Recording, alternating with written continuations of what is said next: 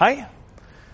Vi skal jo gjerne ha såkalt eh, soft close-tilbehør, som det heter på godt norsk i dag. Både på skuffer og skap. Men innedører, der har det vært eh, lite utvikling.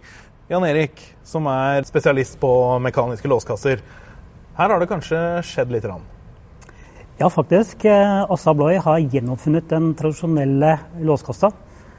Eh, så hvis du er opptatt av lyd hjemme, så er dette absolutt eh, noe du bør se litt nærmere på. En tradisjonell lås består jo av en falle reile i metall og et metall i sluttstykket. Og lyden den får du fra at den treffer på sluttstykket, eller at den står i sluttstykket, og at luft sørger for at døra beveger seg. Med en ny slamrefri lås fra Assa Abloy så er det en helt ny løsning. Ved at du har en fallereile falle reile som er gummiert. Som sikrer at du ikke har den metallen mot metall-lyden.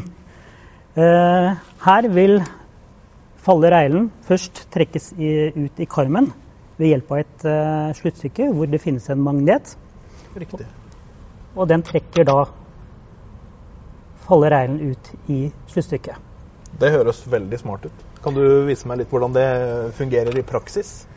Jo, du kan egentlig bare gjøre sånn. Der er døren låst. Det var ikke mye lyd. Nei. Men uh, her føler jeg at vi må ta en test, sånn som mange kanskje opplever uh, hjemme. At du smeller igjen døren. Det er vel absolutt uh, godkjent som uh, slamring. Det er i hvert fall en vesentlig mindre støy enn det jeg er vant til. Innafor? Ja, absolutt. Ønsker du da et stillere hjem uten slamring fra dører, se etter slamrefri lås.